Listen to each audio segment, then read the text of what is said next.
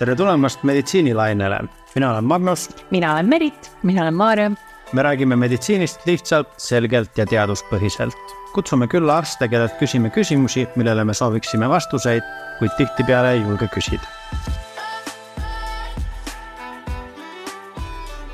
hüppame jälle meditsiinilainele ja täna räägime sellisest teemast, mis tõi mulle meelde kohe esimesena seriaali X-Files räägime seletamatutest äh, asjadest ja täpsemalt öeldes äh, meditsiiniliselt seletamatud sümptomid. meil on külas äh, erakorralise meditsiini arst Sander Poks, tere Sander! tervist! tere! millest me üldse räägime, meil on, ütleme, et meil on inimene, kes leiab, et tal on mingisugused sümptomid, ta on mures oma tervise pärast, ta läheb arsti juurde ja seal öeldakse, et kõik on võrdlemisi okei okay, nagu ja ei leia vastust sellele oma, oma kahjule, ei ole mingit teatud äh, haigust, mis meil tuleb, tuleb välja. millest me siis üldse nagu räägime, kui me räägime sellisest teemast nagu meditsiiniliselt seletamatud sümptomid, mida me selle all mõtleme? jaa, see on siis selline huvitav grupp seisundeid või ütleme, patsiendid, kellel sellised haigused või kaebused on, nad on natukene nagu meie tervishoiu poolt kõrvale jäetud või nad nagu ei leia hästi oma kohta ja see on niisugused seisundid, millel patsientidega on, patsientidel on nende seisunditega raske ja tegelikult äh, arstidel ja tervishoiutöötajatel ka, sest need on niisugused seisundid, millest me ise ka päris täpselt alati aru ei saa, et mis siis äh, nende põhjuseks on. et see on siis üldnimetus sellisele grupile äh, haigustele või seisunditele, mille puhul on olemas mingisugused kehalised sümptomid, mida siis patsient tunneb ja mis teda häirivad aga kui tehakse igasuguseid uuringuid, analüüse, et mingit sellist selget füüsilist põhjust endale ei leita. on, äh, lõpuni me ei tea, mis teid äh, põhjustab, seal on väga erinevad mehhanismid võivad, võivad olla ja võib-olla noh, kuigi arstiteadus üldiselt on väga kiiresti arenenud ka siin viimaste kümne aasta jooksul ja, ja ootus on võib-olla see, et me, meil on kõik vastused olemas ja, ja kõikidele asjadele leiame diagnoosid ja ravid, siis äh, päris niimoodi see ei pruugi olla, et, et mingi osa Eh, kaebustest on sellised, mille kohta me tegelikult ei tea, mis neid põhjustab, aga inimesi need ikkagi häirivad ja kuidagi nad peavad abi saama. aga mis need kõige nagu üldisemad või erinevad kaebused on, mille puhul nagu need jäävad seletamatuks?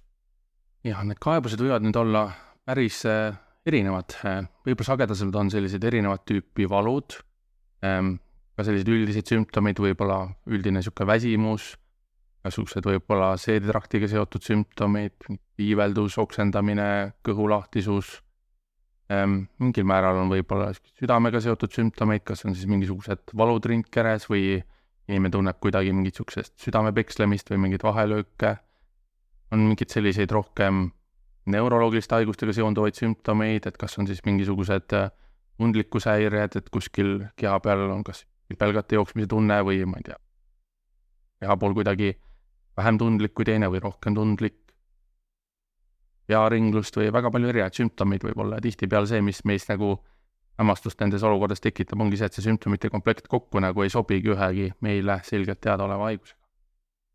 kas seal, see on nagu ka see midagi sarnast, mis öeldakse, et ah, et sa kujutad seda ette?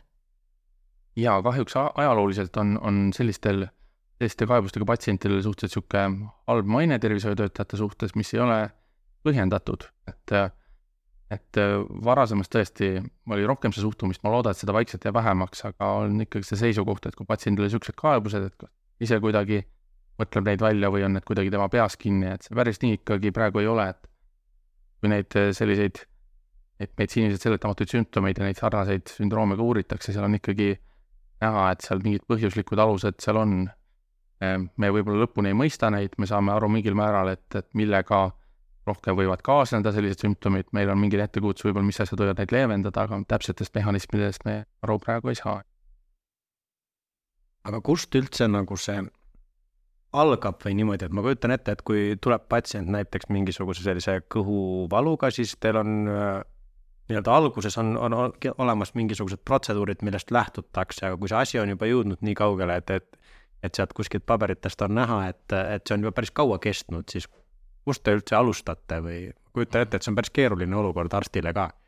jah, no siin natuke sõltubki, et kuidas me seda äh, meditsiiniliselt seletamatuid sümptomeid siis defineerime, et kas on mingist kestusest alates või mitte, et kui me võtame siia alla ka kõik niisugused lühiajalised kaebused, siis ma arvan, selliseid on meil enamikel endal ka esinenud, et mul on olnud mingi niisugune päev kõhuvalu võib-olla, mis selgelt haigus sellega ei seostu, läheb ise mööda ja siis nagu ei põhjusta rohkem muret.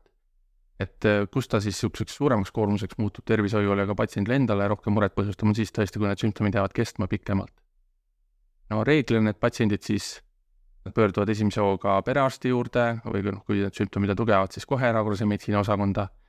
tihtipeale noh, kuna nad esimese korraga kohe siis endale selget vastust ei saa, mis nendel häda on, siis nad proovivad erinevaid kohti, kuhu pöörduda, mis on loomulik selles olukorras. Need patsiendid, kellega ütleme, niisugune kõige keerulisem on, ongi juba käinud läbi siis oma perearstid, erakorralise meditsiini osakondi erinevatel kordadel, erinevate eriarstide juures. kõik on teinud siis sellist nende pädevusse jäänud analüüsid, uuringud ja, ja läbivaatused, aga, aga selget vastust ei ole tulnud. et jah, kui see, mida me alguses nende patsientidega teeme, see sõltubki sellest, et mis kaebustega nad tulevad, et tihtipeale need kaebused on sellised, mis sobivad hästi ka mõne teise haigusega, mida me oskame paremini käsitleda ja ravida. Ma võtan, võiksin näiteks selline ringkerevalu või, või südame pükslemise tunde, et, et noh, siis me loomulikult peamegi vaatama, et ega seal ei oleks mingit südameinfarkti, mingisuguseid rütmihäireid, patsient vajab siis võib-olla jälgimist ja mingeid uuringuid ja analüüse samamoodi, kui siin on mingisugused teedetrakti kaebused, iiveldused, oksendamised, kõhulahtisused, siis me vaatamegi, et ega ei oleks mingit infektsiooni seal, toidumürgistust, midagi sellist. et see sõltub hästi nendest sümptomitest, millega pärast patsient pöördub, et mis täpselt uuringuid ja analüüse talle tehakse. aga siis nende meditsiiniliselt seletamatute äh, seisundite ühisnimetajaks on see, et need uuringud too niisugust head lõplikku vastust, lahtiseks ja patsiendi nagu perspektiivist ma kujutaks ette, et see on päris frustreeriv, kui seda vastust ei, ei leidu ja siis jääd nagu mõtlema, et, et kus see nagu piir läheb, kui kaua ma otsin seda vastust. absoluutselt, et patsiendid tunnevad, et nemad on tervishoiusüsteemi poolt alt veetud sellega, et, et nemad ei saa seda abi, mida nad soovivad ja tegelikult need olukorrad on ka arstidele, ma usun, väga ebamugavad, sest ikkagi tahaks patsiente aidata, neile vastuseid pakkuda ja väga keeruline nendes olukordades, kus meil endal neid vastuseid ei ole. Äh, jah, need, ütleme, need patsiendid kindlasti on selle poolest oluliselt keerulisemas seisukorras kui paljude teiste haigustega patsiendid. puhul me saame ikkagi, on see selgus olemas, patsient teab, mis tal viga on ja, ja millega ta peab arvestama. no kuidas sa praegu kommenteerid seda, et kas seda on palju? seda on päris palju tegelikult jah, et Eesti kohta meil ei ole väga selget statistikat, aga kui vaadata teiste riikide statistikat, siis on tegelikult saab öelda, et perearsti poole pöörduvatest patsientidest kuskil viisteist kuni kolmkümmend protsenti ja mõndade uuringute järgi isegi kuni pooled võivad olla sellised kaebused, mis selgelt mingi diagnoosiga lõpuks ei seostu. erakorralises meditsiinis võib-olla on neid natukene vähem, aga, aga mitte väga palju oluliselt, et tegelikult neid selliseid patsiente on omajagu ja arvestades ka seda, et kuna nad oma seisundile ei saa niisugust head leevendust, siis neil ei jää muud üle, kui korduvalt uuesti pöörduda erinevatesse kohtadesse, et tegelikult sealt see pöördumiste arv, isegi kui nende patsientide arv on natuke väiksem, siis kokkuvõttes on näidatud, et nad pöörduvad tervishoiu poole kuskil kaks korda rohkem. ehk siis inimesed ikkagi jätkavad otsinguid selle vastuse saamiseks tavaliselt? see on arusaadav, kui mul endal oleks mingisugused kaebused, mina tahaks ka neile lõpuks lahendust saada, et lihtsalt inimesele öelda, et lepi ja ela. just. ja ma kujutan ette, et kui me sellest teemast räägime, siis see on päris tugevalt seotud psühholoogiaga ka mõnes mõttes, et Merit siin natuke mainis, et, et, et kas on võimalik, et ma lihtsalt kujutan seda asja ette? no seda me teame üsna selgelt, et inimesed ei kujuta asju ette, et asjade ettekujutamine on ikkagi niisugune natuke teist tüüpi psühholoogiline ja psühhiaatriline probleem. Sellega ma olen nõus, et, et seisundid on psühholoogiaga omajagu seotud, aga mitte selline sada protsenti, et need samasugused kaebused võivad esineda inimestel, kellel ei ole mitte mingisuguseid muid psühholoogilisi probleeme tõesti, nende inimeste hulgas on sagedasemad erinevad psühholoogilised mured, depressiooni, ärevust, selliseid asju võib nendel inimestel rohkem esineda. raske on muidugi öelda, et mis on muna ja mis on kana, et kas, kas need on nende sümptomite tagajärg, mis ei ole leevendust saanud või need on kuidagi niisugune alguspunkt, mis, mis siis soodustab mm -hmm. seda, et neid haigusi võib rohkem nendel inimestel esineda või vajadusi esineda aga mida siis, ütleme, et äh, mul on mingisugune selline mure, millele ma ei ole saanud äh, vastust, ma olen otsinud igalt poolt, käinud paljude erinevate arstide juures, kõike enda arust teinud, aga vastust ikkagi ei ole. kas on midagi, mida ma saan ise ka teha nii-öelda ilma arstita, mingit elustiili muutust või? jaa, et kui võttagi nagu, mida me teame selle kohta, et mis niisugused üldnimetajad on, mis selliste äh, sümptomite püsimist ja ägenemist äh, soodustada võivad, siis need on sellised üldised äh, tervishoiu küsimused või enda tervise hoidmise küsimused. ongi oma kehalise ja vaimse tervise hoidmine, mis on väga sage nendel patsientidel, ongi see, et nendel ongi elus keerulisemad perioodid, on erinevaid stressiallikaid, kas tööga või eraeluga seotud. uuringud siis näitavad, mis nendel patsientidel võib abi tuua, isegi kui me nüüd konkreetselt selle nende kaebuse spetsiifilist mingit ravi rakendada ei saa, siis üldised asjad, mis aitavad, ongi oma kehalise tervise poole pealt lihtsalt jälgida korralikku toitumist, füüsilist aktiivsust rakendada, korralikult magada, et uni oleks korras. vaimse tervise poole pealt võib-olla tegeleda sellega, et no mida ise saab teha, mingi niisugune mediteerimine või mindfulness, näidatud psühholoogilise poole pealt on kognitiivkäitumuslik teraapia on, on nende patsientide suhtes võrdlemisi efektiivne võrreldes muude meetoditega. ja näha, et mingid sellised asjad äh, aitavad, ei ole kunagi garantiid, et see sada protsenti võtab need kaebused ära. aga noh, need, see patsientide grupp on ka väga selline erinev omavahel, et, et need niisugused algpõhjused võivad olla väga erinevad seal. parajasti kellelgi midagi põhjustab ja millest kellelgi võib abi olla, et seal tasubki natukene proovida erinevaid variante. üldiselt kõik need meditsiiniliselt seletamatud sümptomid on selline välistamisdiagnoos, et seda eeldab ikkagi, et need muud haigused, mis samade sümptomitega võivad esineda, nende suhtes on patsienti uuritud ja need on välistatud mm. -hmm. me saame lõpuks sellise nime sellele panna ja, ja tegelikult see, selle nimetus üldiselt võib ka juba ka, ka patsiendi jaoks natuke nagu eh, mingit eh, südamerahu tuua, et siis sul on vähemalt mingisugune asi, millega saad tegeleda, et, et üldnimetaja, me teame ikkagi nagu, mida sellega üldiselt saab teha, et niikaua, kui see on niisugune täiesti ebaselge äh, probleem, millele keegi ei oska nime anda ja keegi ei oska nagu mingitki pidi seda kirjeldada, et ma arvan, et see on patsiendil kõige raskem. aga kui lõpuks jõudagi selleni, et jah, me äh, füüsilist selget põhjust need kaebused ei ole leidnud äh,, ütleme, et teil võib siis olla üks selline meditsiiniliselt seletamatu äh, sümptomaatika ja me teame, et selle puhul võib sellest, sellest, sellest abi olla, ma usun, see ikkagi natuke patsienti vedas ja, ja reeglina, kui me oma praktikas nende patsientidega kokku puutume, see on nagu see, et kus nad äh, üldiselt saavad natuke ikkagi rahu, et see oleneb küll natuke patsiendist, et et äh, mis on need niisugused äh, muud ootused äh, selle patsiendi suhtes, et ja, ja mis on tema suhtumine üldiselt ka sellisesse bioloogilise poolega tegelemisse, et kõik mm -hmm. patsiendid ei ole selleks võib-olla väga valmis või, või nende jaoks on ka nagu hirmutav see mõte, et see, see, need kaebused võivad osaliselt olla psühholoogilise poolega seotud. võib-olla sellist vastumeelsust selle poolega tegeleda. no me teame üldiselt ka paljude haigustega ikkagi need füüsiline ja psühholoogiline pool on omavahel väga lähedalt seotud, et saavad eristada.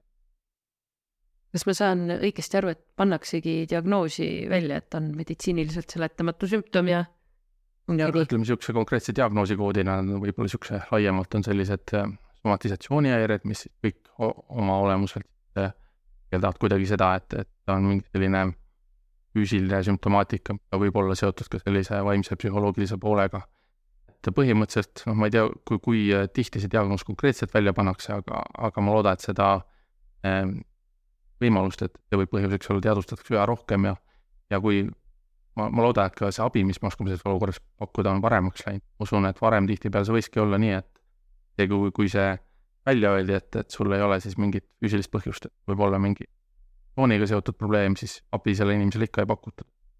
nüüd võib-olla me oskame natuke rohkem nõustada selles suhtes, mis võib selles olukorras olla mm. -hmm. ma kujutaks ette tõesti, et see on päris suur abi isegi väga paljudele, kui nad selle ikkagi saavad mingisuguse, sest see on ka vastus, et, et vastust ei ole mm -hmm. põhimõtteliselt. jah, ja see on ka, ma arvan, miks on oluline see teemat üldse jutuks võtta, et teadlikkus selle suhtes on ikkagi võrdlemisi madal ja ja noh, ka patsiendid, nende jaoks võib olla hirmutav sellist asja kuulda, eriti kui nad pole varem kuulnud, et niisugune asi on tegelikult üsna levi, levinud ja nemad ei ole ainukesed kindlasti, kes sellise asja all kannatavad tähenda kuidagi, et nendega on midagi valesti, vaid see ongi niisugune üsna levi, levinud temaatika ja selle jaoks ikkagi mingisugused lahendused on pakkuda, et ma usun, et see võiks niisugune kindlust, turvatunnet natuke anda nendele patsientidele. ma kujutaks ette, et väga paljud, kes äh, kuulevad sellest või saavad sellise diagnoosi, et esimene asi, mida nad lähevad, teevad, on kirjutavad selle Google'isse, et mida see tähendab. aga kas sellest leidub, kui palju informatsiooni üldse näiteks ka eesti keeles? Ehm, ma jään natuke vastuse võlgu, kui palju materjali eesti keeles selle kohta on, enamik, eh, mis ma selle kohta olen lugenud, on ikkagi ingliskeelsest kirjandusest. Ehm, kui mõelda, et patsiendid nagunii guugeldavad kõike, mis neil ette tuleb, et äh, võib-olla on konstruktiivsem siis seda konkreetset terminoloogiat guugeldada, et, natukene asjakohasemat infot, kui lihtsalt guugeldada oma sümptomeid ja avastada kõik, mis eluohtlikud asjad võivad olla. ja lisab sellist terviseärevust ja omakorda soodustab seda, et nad pöörduvad uuesti-uuesti tervishoiusüsteemi poole, et olgu mul ühe korra suuring tehti, aga äkki ikkagi noh, mu sümptomid viitavad sellele, teeme ikkagi veel. et sellega on ikkagi olulised riskid nende patsientide jaoks seotud, et nad saavad väga palju ka selliseid ebavajalikke uuringuid, millega on oma riskid kaasnevad, et just sellest ringist nagu kuidagi välja murda ja rohkem selle. jah, ma arvan, et see terviseärevus on kindlasti päris selline võtmesõna siin ka, et et kui sa nagu käid kõik uuringud läbi, siis sa ikkagi oma peas kindlasti mõtled, et nüüd on äkki see või teine või kolmas asi ja siis tekib päris suur ärevus võib siis, kui sa veel guugeldad ka juurde ja kindlasti leidub igasuguseid story sid, internet on täis, siis see ärevus võib päris, päris kõrgeks kasvada. kindlasti, et selline ebaselgus ja ebakindlus kindlasti soodustab seda ärevust ja ma usun, meil kõigil on, on see samamoodi, et kui meil on mingisugune probleem ja mingit vastust sellele ei ole, et siis me ketrame, ketrame seda ja see probleem muutub just üha suuremaks, kuni seletus sellele tuleb, et noh, lõpuks ongi noh, patsientid, ma, ma olen ise ka kuulnud seda, et teeme veel selle uuringu, et isegi kui tuleks mingi väga halb diagnoos, et vähemalt midagi tuleks mul lõpuks nagu aru saada, mis minuga toimub, et ja nad tahavad lihtsalt mingisugust vastu. aru saada, vastust. aga kas äh, sa oled kohtunud ka selliste juhtumitega, et ütleme, et ongi see, et näiteks mitu aastat on, on, ongi seletamatud sümptomid ja öeldaksegi mulle, et, et, et on seletamatud sümptomid, aga siis ühtäkki asi muutub ja leidub mingisugune lahendus?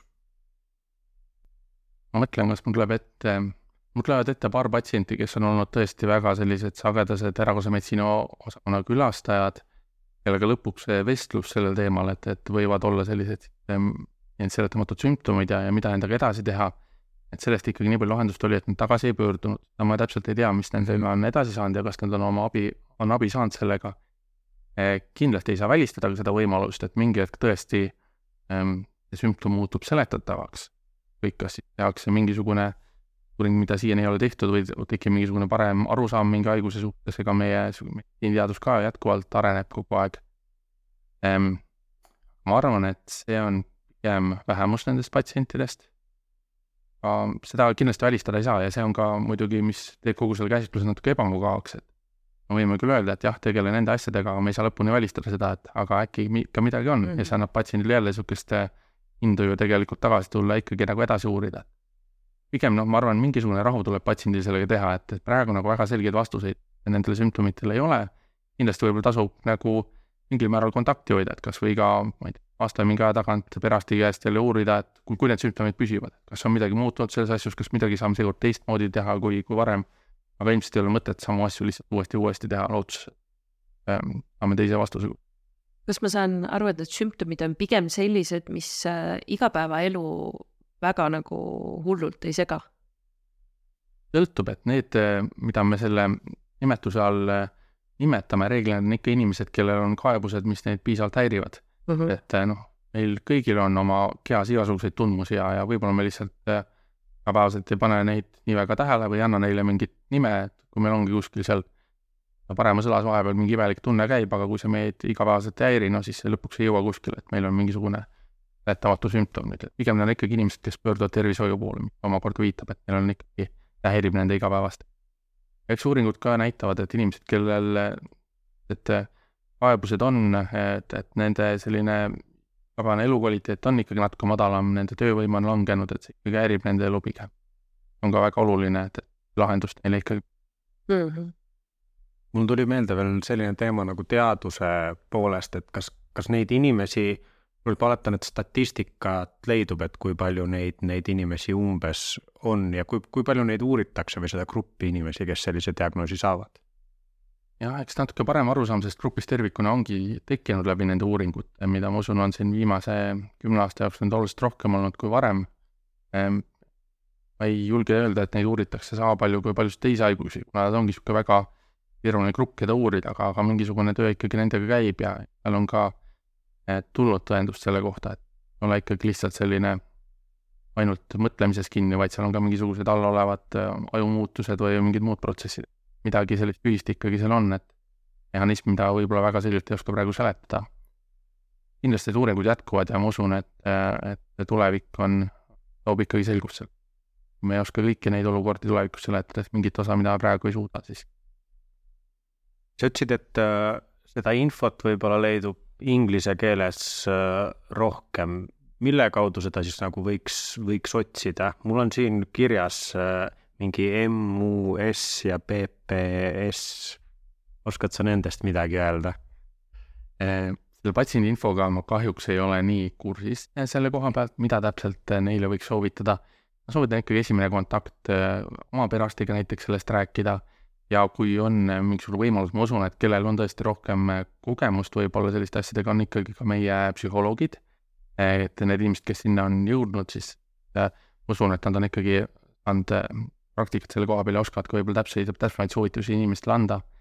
et nagu ma ütlen, et need on väga erinevad põhjused nendel kaebustel ja seal, seal on väga raske anda ka niisuguseid üldiseid soovitusi peale selle, mis ma juba praegu äh, siin välja olen toonud. Et ähm, arvan, et sellega ikkagi tasuks spetsialistiga rääkida, siis leida just sellele inimesele mingid sobivad varad. hästi.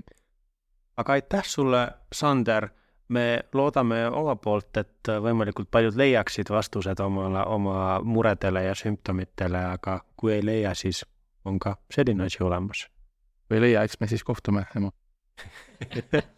aitäh sulle! just nii, aitäh sulle! Aitäh, et oled meiega meditsiinilainel. leiad meid ka Instagramist ning postkasti ootame küsimusi ja tagasisidet. kohtumiseni järgmisel lainel